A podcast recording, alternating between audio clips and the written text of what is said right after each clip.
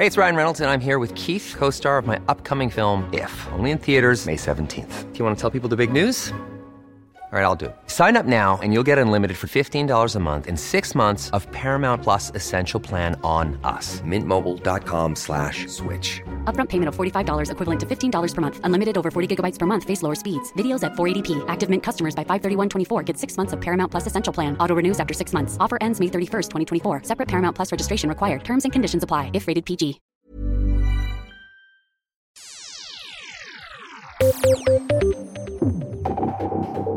Menn forflytter seg til høyresiden i norsk politikk. Nå vil Rødt-politiker Mimir Kristjansson manne opp venstresiden.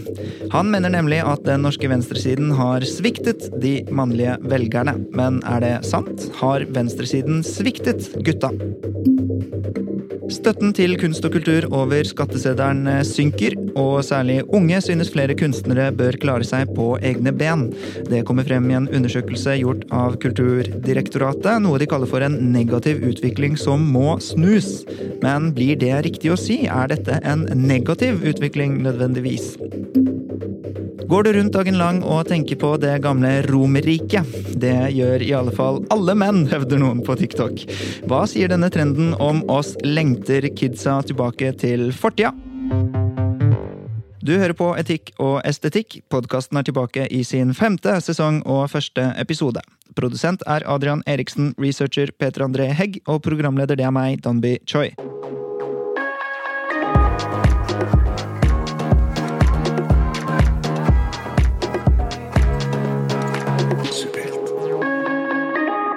Med meg i studio har jeg ingen ringere enn lederen av Arbeidernes ungdomsfylking, AUF, Astrid Hoem.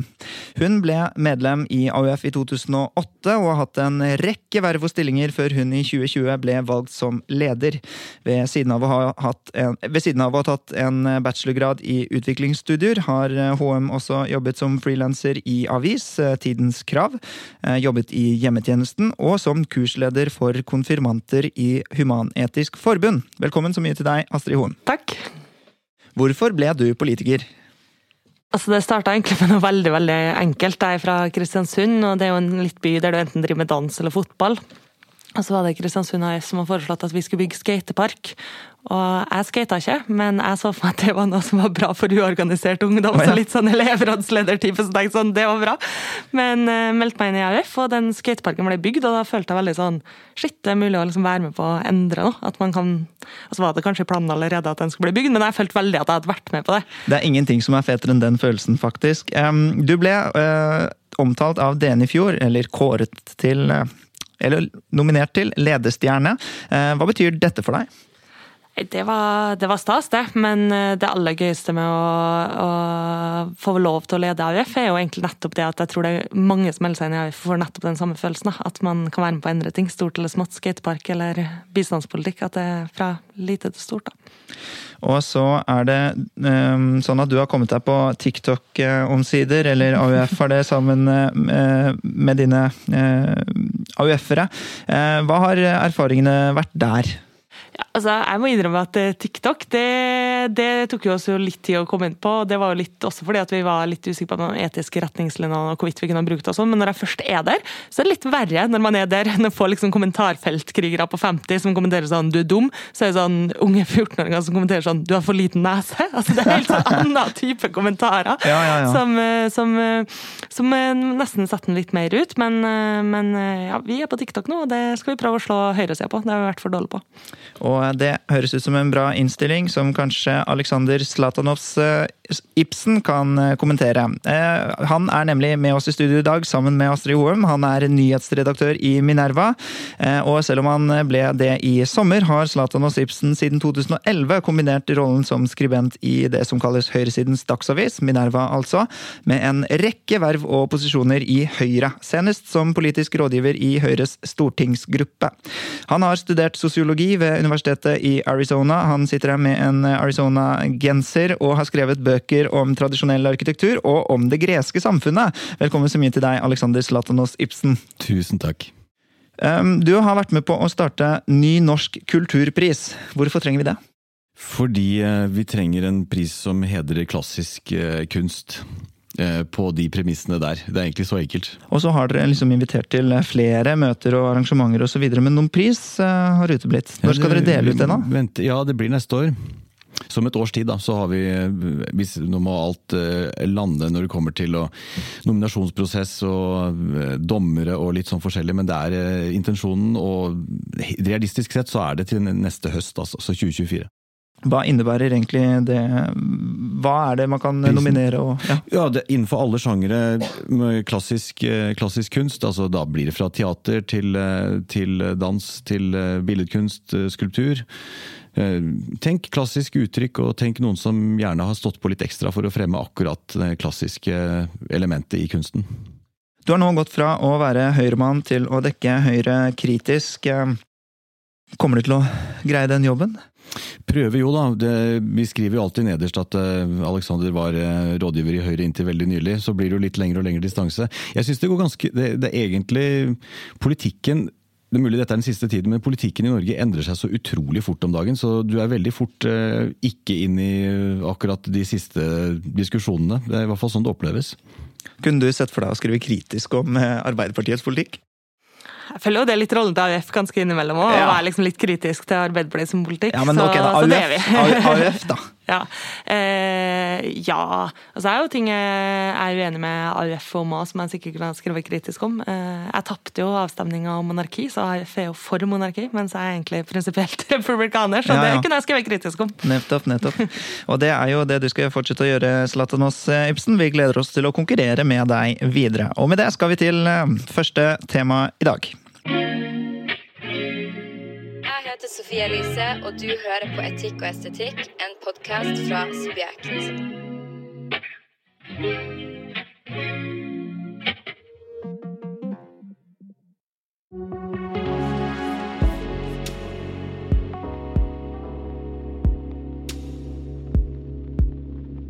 Men forflytter seg til høyresiden i norsk politikk. Nå vil Rødt-politiker Mimir Kristjansson manne opp venstresiden. Han mener nemlig at den norske venstresiden har sviktet de mannlige velgerne. Er det sant? Har venstresiden sviktet gutta, Astrid Hoem? Ja. Har venstresiden sviktet gutta, eh, Zlatanos Ibsen? Ja. Da skal jeg være kritisk i dag. Hvordan kan du mene det? Jeg mener jo at vi i for lite grad har diskutert en del av tingene eh, på gutta sine premisser. Eh, og jeg mener at der kanskje høyresida spesielt har truffet i skoledebattene, så er det å adressere det direkte. Selv om jeg ikke tror at de løsningene de har foreslått er det som kommer til å forandre gutta sin hverdag til det bedre. Altså Du får ikke mer lærlingeplass når du har 80 eh, kroner på kortet og blir fortalt at det er formuesskatten som er problemet. Men utfordringen er at vi har snakka om det på, med, med, en retorikk som kanskje ikke har truffet. Da. Og det gjør også at vi ikke når ut til gutta, at det ikke oppleves som vi tar de problemene på alvor, og kanskje ikke har gjort alt heller. Og da er vi nødt til å gå oss sjøl på det, og det må man jo. Vi må gå oss sjøl på alt etter det valget her. Ja. ja. ja. men Har dere rukket å debrife noe enda? Hva kommer dere frem til? Hva slags retorikk skal man føre i stedet? Altså, Vi kommer fortsatt til å mene det samme som eh, stort sett som vi gjør politisk, men det handler jo også om å, å snakke om, eh, om, en del av de utfordringene med at eh, det er gutter som i større grad faller ut av videregående. Det er gutter som har størst problemer når man ikke får læreplass. Det er mange gutter som opplever at skolehverdagen ikke er, er laga for dem. Og og da kan man jo enten si sånn da må gutta skjerpe seg mer, som jeg litt eh, av det har inntrykk av at det er høyresidens retorikk, eller man kan si at det er også noe helt sånn grunnleggende feil med, med skolepolitikken vi fører. Vi starter for tidlig med skole. Eh, det er for mye brå overganger, det er for teoritungt. Så, så der har vi kanskje snakka for lite om det på gutta sine premisser. Ibsen, eh, menn de tjener mer. Eh, menn har oftere lederstillinger, og de har færre og mindre forpliktelser hjemme ofte. Kvinner er mer syke, og ofte så er det flere kvinner som er uføre også. Kan man ikke kompensere dette litt, da? Bare putte litt flere menn i fengsel? Ja, De er jo veldig godt overrepresentert i fengsel fra før. Dette er bare en, et forsøk på å late som om jeg ikke er enig med dere. Hvis man ser på eh, valgundersøkelser fra 1981, når jeg ble født og frem til eh, siste stortingsvalg, så har eh, SV og Arbeiderpartiet økt eh, andelen kvinner. Altså kvinneandelen og overvekten har økt. Så SV er det spesielt tydelig. Der er det nå av velgere da to kvinner per mann. I andre enden så har man eh, Frp, som ikke er like skjevt i mennenes favør, men da er det halvannen mann ca. Eh, per kvinne. Sånn at det, utviklingen har gått ganske brått for SV, til dels Arbeiderpartiet. Der er det ikke helt uh, så skjevt. Uh, Høyre har holdt seg mer stabilt. sånn at det på, Bare sånn rent faktiske uh, tall viser jo at, at venstresiden i hvert fall har sviktet menn på den måten at de faller fra. Da. Altså de, de, stemmer ikke på partier på venstresiden på samme måte. Og det ser man av tallene, men hva tror du er grunnen til det? Jeg, synes det er veld... jeg tror mye av det er nok retorikk faktisk også. Jeg kan komme tilbake til det. Men, men jeg liker i, altså Jens Stoltenberg skriver i sin veldig gode bok, 'Min historie', beskriver han en, et eksempel fra når Tor, Torbjørn Berntsen fikk Arbeiderpartiet med på å, å utelukke en ny tobakksavgift fra rulletobakk, fordi gutta på Aker Mek trengte rulletobakk i brystlomma si, for ferdigsigaretter knakk når de drev og gjorde jobben sin. Og det er liksom ikke forhistorisk tid at det her var noe man forbandt med Arbeiderpartiet. Gutta på Aker Mek. Og så har, så har egentlig yrkeslivet endret seg. Og Arbeiderpartiet SV i enda større grad har ikke helt funnet ut hvordan man snakker til menn, og fremmer politikk som menn er opptatt av ser det ut. Og Dette var ikke lenge siden, sier du, men eh, kan det stemme at vi er på vei vekk fra det? Og det kan være veldig vanskelig å føre en eh, venstresidepolitikk som menn kjenner seg igjen i? Det må jo være mer enn retorikk? Altså nesten mer utfordrende, vil jeg si, enn at, eh, enn at gutta stemmer på høyresida, så er det jo at spesielt unge gutter er den største gruppa som ikke stemmer i det hele tatt. Mm. Uh, og det tror jeg også kan han, nettopp føles som at politikken ikke handler om deg, eller at det ikke er relevant for din uh, hverdag. Og det er jo en del utfordringer man ser i samfunnet nå som er helt sinnssykt vanskelig å løse politisk. Altså Vi vet at blant de mennene med dårligst råd, så er det også høyest ufrivillig barnløshet. Hvordan er det man løser det politisk? Altså Vi kan ikke sponse Tinder-gull på alle i samfunnet, eller si sånn nå skal vi ha blind date, på en måte. Og det skal det er i hvert fall Hvis Arbeiderpartiet foreslår det, så tror jeg høyresida steller litt der. Så, så, det er jo en del av de utfordringene som er reelt sett vanskelig å løse politisk, men som man også må snakke om hvordan man skal gjøre, og som blir debattert for lite. Og som jeg tror mange gutter kjenner på kroppen. Uh, og så tror jeg jo at uh, hvis man skal klare å løse likestillingsutfordringer både for menn og, gutter, og jenter, så må man ikke gjøre det til en sånn konkurranse om at liksom, blir det mer likestilt her, eller blir det mer likestilt der, så går det utover den andre. For jeg mener jo at mer likestilling for alle, papp, mer pappaperm er også bra for kvinnene. Det er ikke et nullsumspill? Det er ikke et nullsumspill. Eh, så det å klare å snakke om likestilling på en måte som det faktisk er, da, eh, og fremme tiltak som gjør det at det er både enklere å være jente i samfunnet, som fortsatt har mange utfordringer, og eh, gutt i samfunnet vårt. Men Har du forslag på politikk som passer gutta? Jeg tror jo høyresiden treffer jo litt, da. når det går på Vi vet jo det, at det er eh, flere menn enn kvinner jobber i privat eh, næringsliv, og er da opptatt av politikk som eh, hjelper dem på deres jobb. Altså Så enkelt som det. Så, er, er liksom venstresiden dømt til å tape, da? Nei, jeg tror, jeg tror, ikke de er det. Jo, men Hvis det, hvis det er økonomiske spørsmål eksempel, som avgjør høyre- og venstresiden? Altså, Da gir jeg råd til venstresiden nå, da. Jeg tror, jeg tror ikke, ikke gjør det Ikke kom med de drastiske skatteøkningene. Ja, men nettopp. Hvordan kan du mene at venstresiden skal drive med skatteletter? Nei, lettelser gjør det ikke. Men tenk tilbake igjen da, Stoltenberg. Det var, det, man opplevde næringslivsvennlig Arbeiderparti under uh, ham. Han var jo enormt populær. Han var jo også han var nok, uh, Du vet jo fra valgundersøkelsene, det var jo fortsatt uh, Den tiden der så var jo kvinner litt mer i overvekt på Arbeiderpartiet. Men det, jeg, synes, jeg har en liten mistanke om at egentlig Dette blir sånn varsko til min egen side av politikken nå, da. Altså, jeg tror venstresiden egentlig kommer til å komme litt i gir på akkurat dette her. Det ser vi til og med før valget. så eh, Raymond Johansen ute og snakker om manneproblemet. Eh, ja, en dag før. Ja, ikke sant. Også, og en dag før, ja, så du kan si det var i ellevte time, det, da. Eh, men Mimer, han sier det jo nå. Det er jo Rødt da, som ikke har det samme manneproblemet, men, men han har gjort det også i 2019. Eh, og Astrid har kommet seg på TikTok, så da det er vel noe gjort, da. Og det tror jeg treffer mest jenter. Det, det tror jeg er 90 reach for jenter, så det er kanskje ikke det. Ja, det, tror, det, er liksom noe med de algoritmene, altså. Ja, eh, men jeg tror det er en del ting som vi er nødt til å gjøre. Eksempel så har man jo nå foreslått eh, at, eh, fra et utvalg at man kan gjøre en del ting med kjønnspoengene, f.eks. At sånn som det er i dag, så fungerer det urettferdig på mange studier, også for gutter, men også for jenter. At du kan innføre kjønnskvotering i større grad, som vil si at da skal du ha et liksom, det skal være 40% eller 30% eller 20% av de ulike studiene, og at det i større grad også må gjelde på de studiene studiene som gutta nå ikke kommer seg inn på. Eh, og gå i en del av de tingene som har vært liksom vedtatte sannheter som nå er i stor endring. Eh, for selv om eh, vi vet at det fortsatt er flest i, i toppadvokatbransjen som er menn, så er det overvekt av jenter på studiet. Så hvordan man kan sørge for at man også sørger for den likestillinga der? Og det samme med liksom, det du er inne på med at uh, det er en del mer menn som jobber i privat næringsliv enn og kvinner i det offentlige. Altså, Norge har jo et av de mest kjønnsdelte arbeidsmarkedene.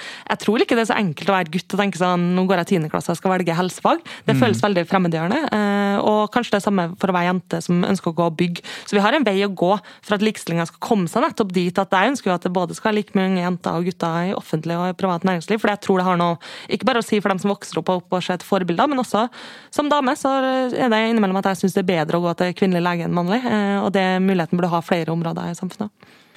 Men eh, altså, vi har snakket om at eh, venstresiden har eh, sviktet eh, gutta, og at eh, man eh, må i hvert fall debrife og se på eh, hva man kan gjøre. Men hva er det, hvis man ser på De har jo ikke bare svikt... Gutta har ikke bare sviktet venstresiden, de har også gått til høyresiden. Virker det som hva er det høyresiden har gjort riktig, da? Jeg tror det som jeg nevnte innledningsvis med feminisme og retorikk jeg, eh, jeg drar den kanskje litt langt, men jeg tror at hvis du er eh, mann, så har vi ved 40 år med, med ganske så aktiv eh, feministisk retorikk i offentligheten forstått at du er del av problemet. Eh, Og til slutt så kommer det en respons på det. Jeg må egentlig si jeg syns det er litt rart at det ikke har kommet en motreaksjon før.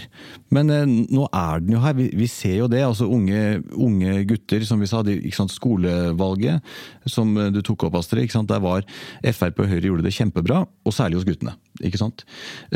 Og de er, dette er ikke folk som har tenkt veldig mye på, på skatten de skal betale ennå. I så fall så er de jo veldig forutseende, da. Ikke sant? Men de har fått med seg litt dette er at diskusjonen, og den har begynt å gå globalt. De, de får med seg nyheter fra både USA og Storbritannia. og liksom at nå er det kvinnenes tur. dette er, Og dette har, men det har vart så lenge. Det har, det har holdt på og holdt på. Det, og det, etter hvert så blir det jo ikke engang likestilling. Det blir jo egentlig bare eh, kvinnefavorisering. Og Det tror jeg unge gutter har fått med seg. Eh, Du var litt vag på motreaksjoner. Hva mener du? Er det Andrew Tate og Jordan Peterson og sånn? Hey, it's Ryan Reynolds, and I'm here with Keith, co star of my upcoming film, If, only in theaters, May 17th. Do you want to tell people the big news? All right, I'll do. it. Sign up now and you'll get unlimited for $15 a month and six months of Paramount Plus Essential Plan on us. Mintmobile.com slash switch. Upfront payment of $45 equivalent to $15 per month. Unlimited over 40 gigabytes per month. Face lower speeds. Videos at 480p. Active Mint customers by 531.24 get six months of Paramount Plus Essential Plan. Auto renews after six months. Offer ends May 31st, 2024. Separate Paramount Plus registration required. Terms and conditions apply if rated PG. I'm Sandra, and I'm just the professional your small business was looking for. But you didn't hire me because you didn't use LinkedIn jobs. LinkedIn has professionals you can't find anywhere else, including those who aren't actively looking for a new job but might be open to the perfect role, like me. In a given month, over 70% of LinkedIn users don't visit other leading job sites. So if you're not looking on LinkedIn, you'll miss out on great candidates like Sandra. Start hiring professionals like a professional. Post your free job on linkedin.com/achieve today.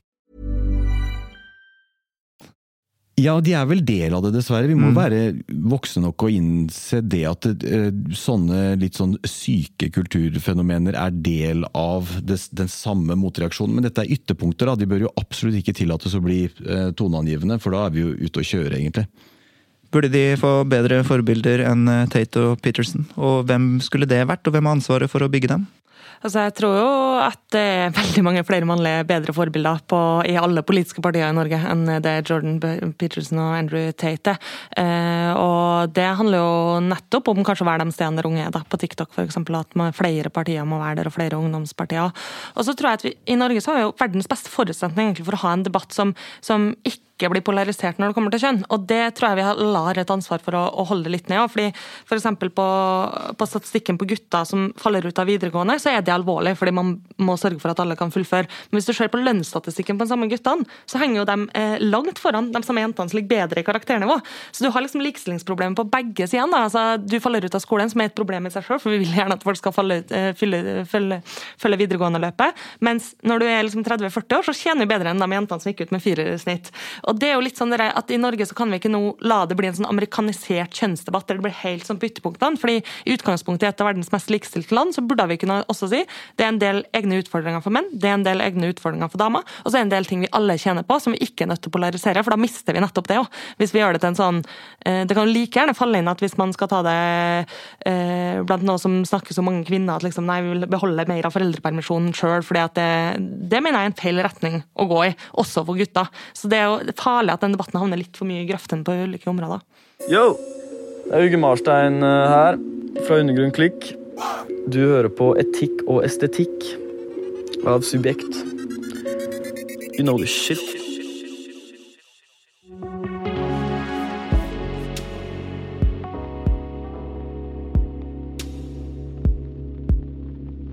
Støtten til kunst og kultur over skatteseddelen den synker, og særlig unge synes flere kunstnere snart bør klare seg på egne ben.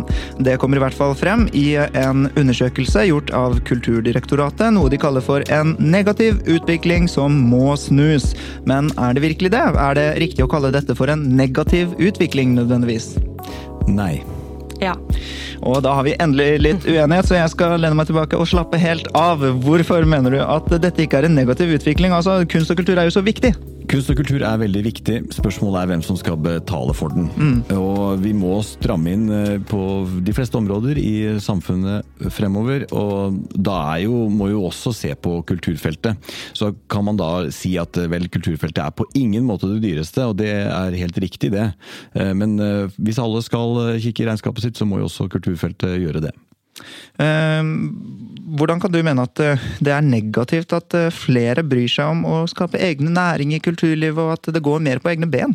Jeg mener ikke at det er negativt om det blir mer kulturdebatt, men jeg ønsker jo at vi fortsatt skal ha høy støtte til kultur i Norge. Og det aller meste av kulturbudsjettet går jo ikke til enkeltkunstnere, det går jo nettopp til å sørge for at folk får gått på kulturskole, eller at man får sørga for at det er operafestuke og alle ting i Kristiansund som eh, eh, kanskje andre steder blir sett på som finkultur, men der du har Norges eldste opera, så blir det sett på som folkeoperaen. Altså at du, har, eh, at du har festivaler, at du har teater i hele landet. Og det tror jeg egentlig at hvis du spør spørsmål sånn, så er de aller fleste ja, det skal vi være med på å støtte.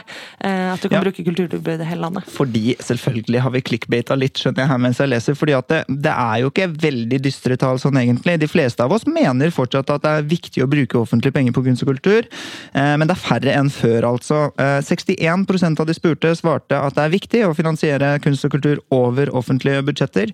Altså solid, et solid flertall. Men det er en nedgang på 6 prosentpoeng fra forrige, den forrige undersøkelsen Kulturdirektoratet gjennomførte i 2018, for da var prosenten på 67.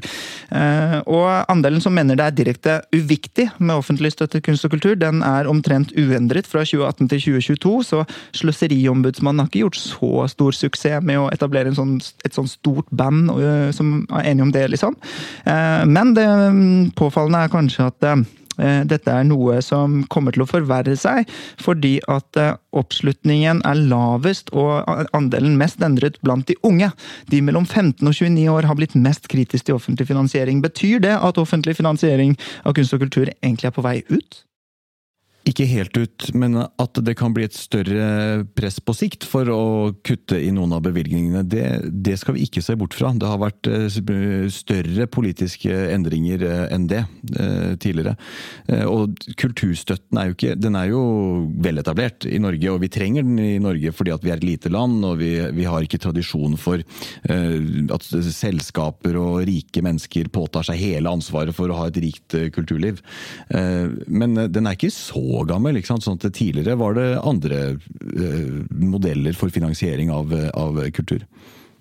Men eh, det man har sagt veldig lenge, og siden nasjonsbyggingen, egentlig, er at eh, kunsten skal bli fri. Det har vært et tverrpolitisk mål, egentlig. Og så er spørsmålet om man om blir fri av statsstøtte, eller om man blir fri, av å gå på egne ben. Hva tenker du, en sosialdemokrat? Altså, Som sosialdemokrat så tror jeg jo alltid at økonomisk trygghet gir mer frihet til mennesker. At du ikke opplever at du liksom må uh, slite for å få endene til å møtes. Så jeg tror også at det gjør at flere kan gå inn i kunsten. At det er flere som tør å gjøre det. Og det er jo positivt. Og de aller fleste som får kulturstøtte, f.eks. alle kulturskolene kulturskolene rundt i landet, så kommer de færreste til å liksom danne et band som kommer til å bli verdenskjent. Men de kan lære seg litt mer å spille gitar, de får deltatt i kulturliv fra ung alder, og det tror jeg er en styrke i seg sjøl. Ja, men tror du man får bra kunst av dette, da? Du har snakket mye om amatørene. Ja, Det tror jeg også at man gjør. Altså Hvis man ser eksempel til Bodø, som en periode hadde et av de kuleste musikkmiljøene i Norge, så kom det jo ut liksom Sondre Justad, Sirkus Eliassen. altså Det var fluss på løpende bånd en periode, fordi at man nettopp hadde det lavterskeltilbudet. Så det kom både bra kunst, og så tror jeg det er eh, både positivt og negativt at alle kan spille liksom Wonderwall på nachspiel på gitar òg. Du, eh, Sirkus Eliassen og eh, Sondre Justad og Wonderwall. Er det denne kulturen vi skal få? Ja, det, du, jeg er så dårlig på populærkultur. Det er vel det, sikkert, hvis dette er populært. Jeg, Ja. jeg, jeg kan ikke si så mye om det der, og det er eh, pinlig. Det er en grunn til at vi måtte ansette kulturredaktør i Minerva.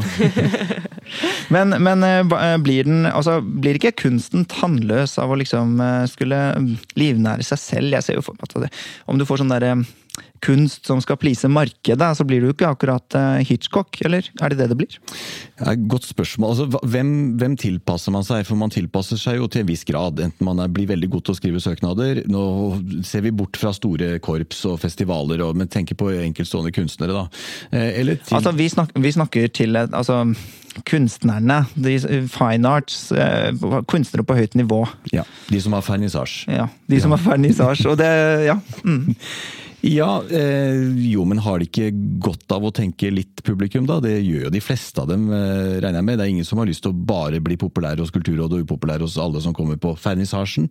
Eh, men eh, nei, så litt tilpasning er det alltid. Eller så ender man som eh, van Gogh, da, som skar av seg øret og solgte ett maleri i løpet av hele sin karriere. Han var ikke kommers, han hadde heller ikke statsstøtte, stakkar. Ja, eh, stakkar, faktisk. Og sånne som han burde jo fått statsstøtte. ikke sant? Og Tenk bare hvor mye statsstøtte vi har gitt Munch bare for sent. Litt sånn i ettertid, liksom. og det Man får jo litt sånn dårlig samvittighet. Men, men spørsmål, eh, balansen må jo ikke sant, være der, eh, antar jeg. Men så er det altså noen eh, ganske triste funn fra en svensk eh, rapport som heter Så fri er konsten fra 2020, som viser at hele halvparten av svenske kunstnere tilpasser seg politiske signaler for å få mer offentlig støtte. Så kunst og kultur blir visst ikke helt fri av eh, økonomisk eh, støtte.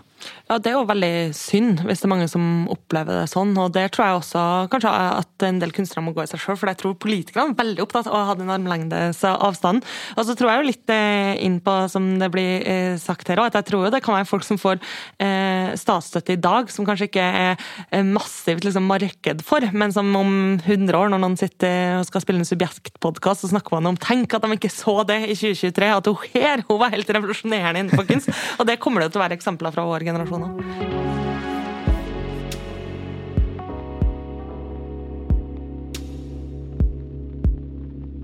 Går du rundt dagen lang og tenker på det gamle Romerriket?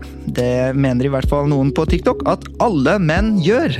Hva sier denne trenden om oss lengte kidsa tilbake til eh, fortiden, Astrid Johan? Ja.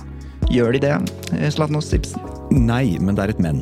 Men det er et men. Vi starter hos eh, deg. Hvordan kan du påstå noe sånt?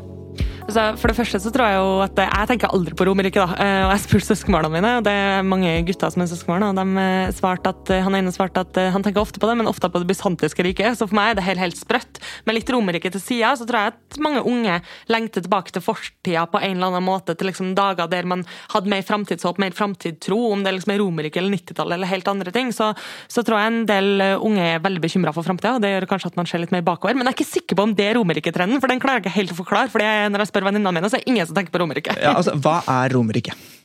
Romerriket er eh, den eh, store sivilisasjonen som eh, vokste opp på grunnen av det etruskiske, den etruskiske sivilisasjonen og kulturen, og etter hvert la under seg det store, store del, eller største delen av Middelhavet og Europa, og la grunnlaget for romerlov, eh, og etter hvert egentlig også for kristendommens spredning, for det var jo på ruinene av Romerriket at, eh, at eh, kristendommen spredte seg. Så helt avgjørende bestanddel i fremveksten av den vestlige sivilisasjonen. Og du påstår at kidsa ikke lengter tilbake til Romerriket eller fortiden, selv om mange på TikTok gjør det, altså.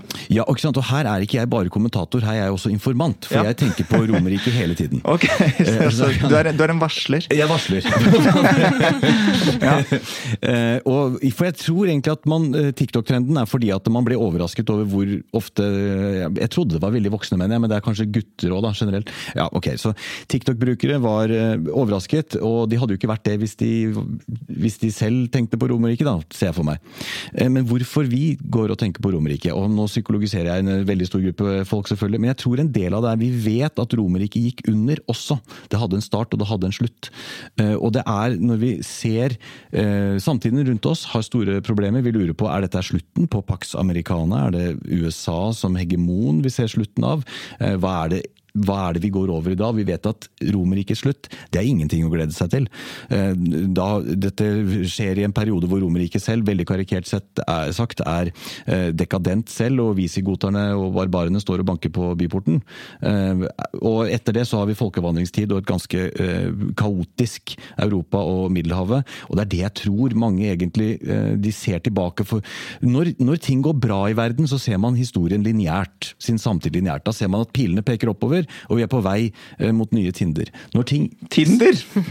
Tider. Tider, tider og Tinder og Tinder. Men når ting ikke går bra, så begynner man å lure på er historien syklisk. Er vi på vei mot dekadansen, og er det visigoterne som står utenfor porten? Ja, og, og nå, jo, nå, skriver jo eh, Torbjørn Røe Isaksen hevder vel det i en bok 'Ingen tro på fremtiden', uh, at, at, vi er i en slags sånn dekadent tid. Eller, at, eller, i hvert fall at vi ikke er så veldig optimistiske lenger. Men eh, litt mer faglig, da, for å vise til leksikonet 'Know your meme', så oppsto TikTok-trenden på Instagram. Den svenske influenseren skal ha startet dette. Saskia Kort heter hun, og gikk altså viralt i 2022 etter å ha bedt følgerne sine om å stille sine mannlige partnere det store spørsmålet 'Hvor ofte tenker du på Romerike?' Og da har dette altså eh, vist seg å få veldig overraskende svar. Veldig mange av dem sa liksom i går og i dag og i forrige uke og sånn. Eh, og dette handler altså om en tid eh, rundt 700-tallet før Kristus til ja, noen hundre år etter Kristus også. Og det startet på den italienske halvøy. Og på et tidspunkt på sin peak, 117 eh, år etter Kristus, dekket dette et område på omkring 5 millioner kvadratkilometer. Det klarer jeg ikke å se for meg hva er, men eh, et folketall på mellom 50 og 90 millioner innbyggere. Mm. Altså, Fantes det områder med så masse folk 100 år etter Kristus? Det gjorde visst. Og psykolog Frey Pahl han er ikke overrasket over at menns tanker går med jevne mellomrom til en tapt sivilisasjon. Det syns jeg er litt interessant. Han sier vi lever i en verden der det maskuline er punktert. Det gjorde de ikke i Romerriket. Er, er det det man liksom savner?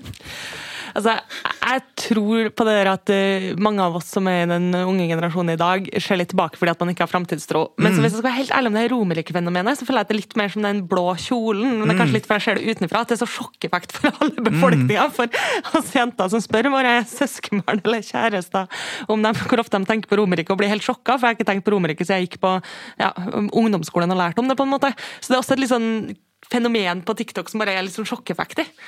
Men hvor mye har dette med Romerriket eh, å gjøre? Er det ikke bare Eller er Romerriket liksom et eh, illustrert poeng for gamle dager? Ja, ikke sant? Kunne det like gjerne vært Napoleon. Ja. Eh, det er mye kortere, ikke sant? Andre verdenskrig, jeg tror den kommer høyt opp hos veldig mange menn det nå. Mm. Romerriket er spesielt fordi at det går gjennom faser. Du har flere keisere, du har også en republikk i en periode. Mm. Og det som, det, som det, det, det, gjør, da, er at du har paralleller å vise til samtiden din.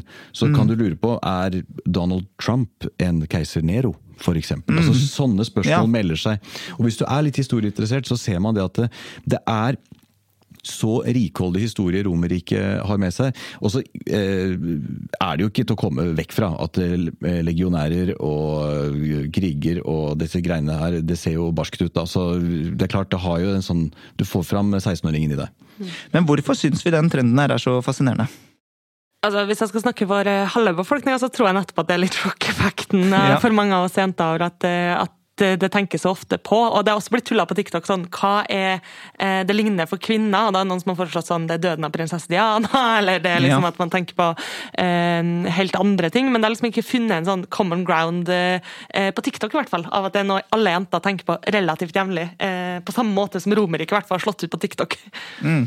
Um, men har dette noe med liksom konservative idealer å gjøre? Altså Høyresiden er på fremmarsj, har vi lest i dag. Og, og vi har også lest i dag at um, gutta Eh, nei, hva var det? At offentlig kunst- og kulturstøtte pga. at den har blitt så moderne og drit, liksom, eh, synker. Og eh, arkitekturopprøret vokser. og Har dette noe med konservative bølger å gjøre? Jeg tror jo litt som vi var inne på i sted, eh, så er jeg enig i at i en tid der veldig mange unge tror man får færre muligheter enn foreldregenerasjonen sin på alle områder, på boligmarkedet, på arbeidsmarkedet, i hvor mye penger eh, velferdsstaten kommer til å ha. altså Alle sånne spørsmål tror jeg, selv om det ikke er liksom det man får spørsmål om på framtidstro, så går eh, framtidstroa ned blant unge. Mm. Og Da tror jeg man ser til fortida, om det er liksom Romerike, eller om det er på en måte 90-tallet, at man liksom 90-tallsmoten er mye større grad tilbake, 90-tallsfilmer, liksom en tid som var mer uskyldig rett etter murens fall.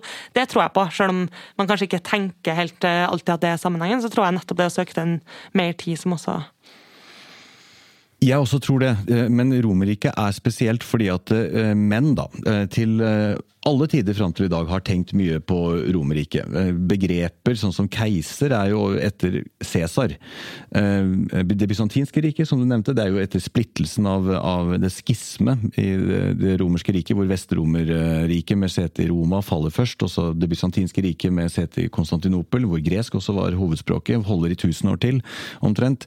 De kalte seg ikke Konstantinopel da de kalte, eller Bysants, de kalte seg det nye Roma. Eh, Moskva senere kaller seg for det tredje Rom. Eh, vi har eh, statsdannelser, ikke statsdannelser egentlig, men imperier, eh, småimperier i Europa som kaller seg det tyske riket av det romerske riket av tysk natur. Egentlig Romerriket som idé har holdt seg helt fram til, til, til og med første verdenskrig.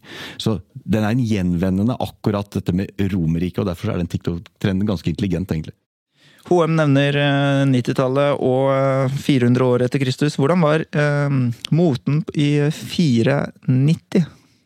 Da er vi jo langt inne i dekadent eh, Romerike, så jeg vil jo se for meg Du må tenke flagrende togar, da. Og for kvinner vet jeg ikke det, det, gikk jo i bølger også, dette her, når de var litt mer orientalistiske av seg og de hentet inn elementer fra Egypt og sånn. Kanskje det er faktisk Jeg er litt usikker, men jeg lurer på om det er perioden hvor de kikket litt, eh, litt Var litt, eh, hva heter det for noe, mottagelig for inntrykk utenfra.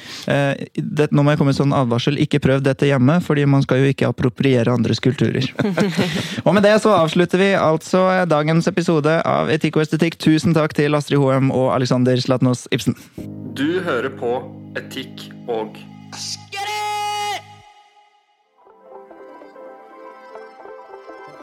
Tusen takk til eh, gjestene som eh, nok en gang eh, bidrar med kunnskap og klokskap til subjekt og etikk og estetikk. Vi håper at du kan følge oss der hvor eh, det er relevant. På Facebook så har vi også en egen eh, Facebook-gruppe som heter Etikk og estetikk. Der diskuterer vi samtaleemner som er eh, relevant for podkasten, rett og slett. Og for subjekt, selvfølgelig. Det er også veldig hyggelig om du kan legge igjen en sånn stjernerangering på Apple Podkaster, om det er der du hører på oss, eller eh, anbefaler podkasten videre til den eh, du eh, ønsker å gjøre det til. Ellers så har jeg lyst til å si tusen takk til eh, Fritt Ord, som siden start har støttet Subjekt, men også podkasten Etikk og estetikk, og spesielt sesong fire.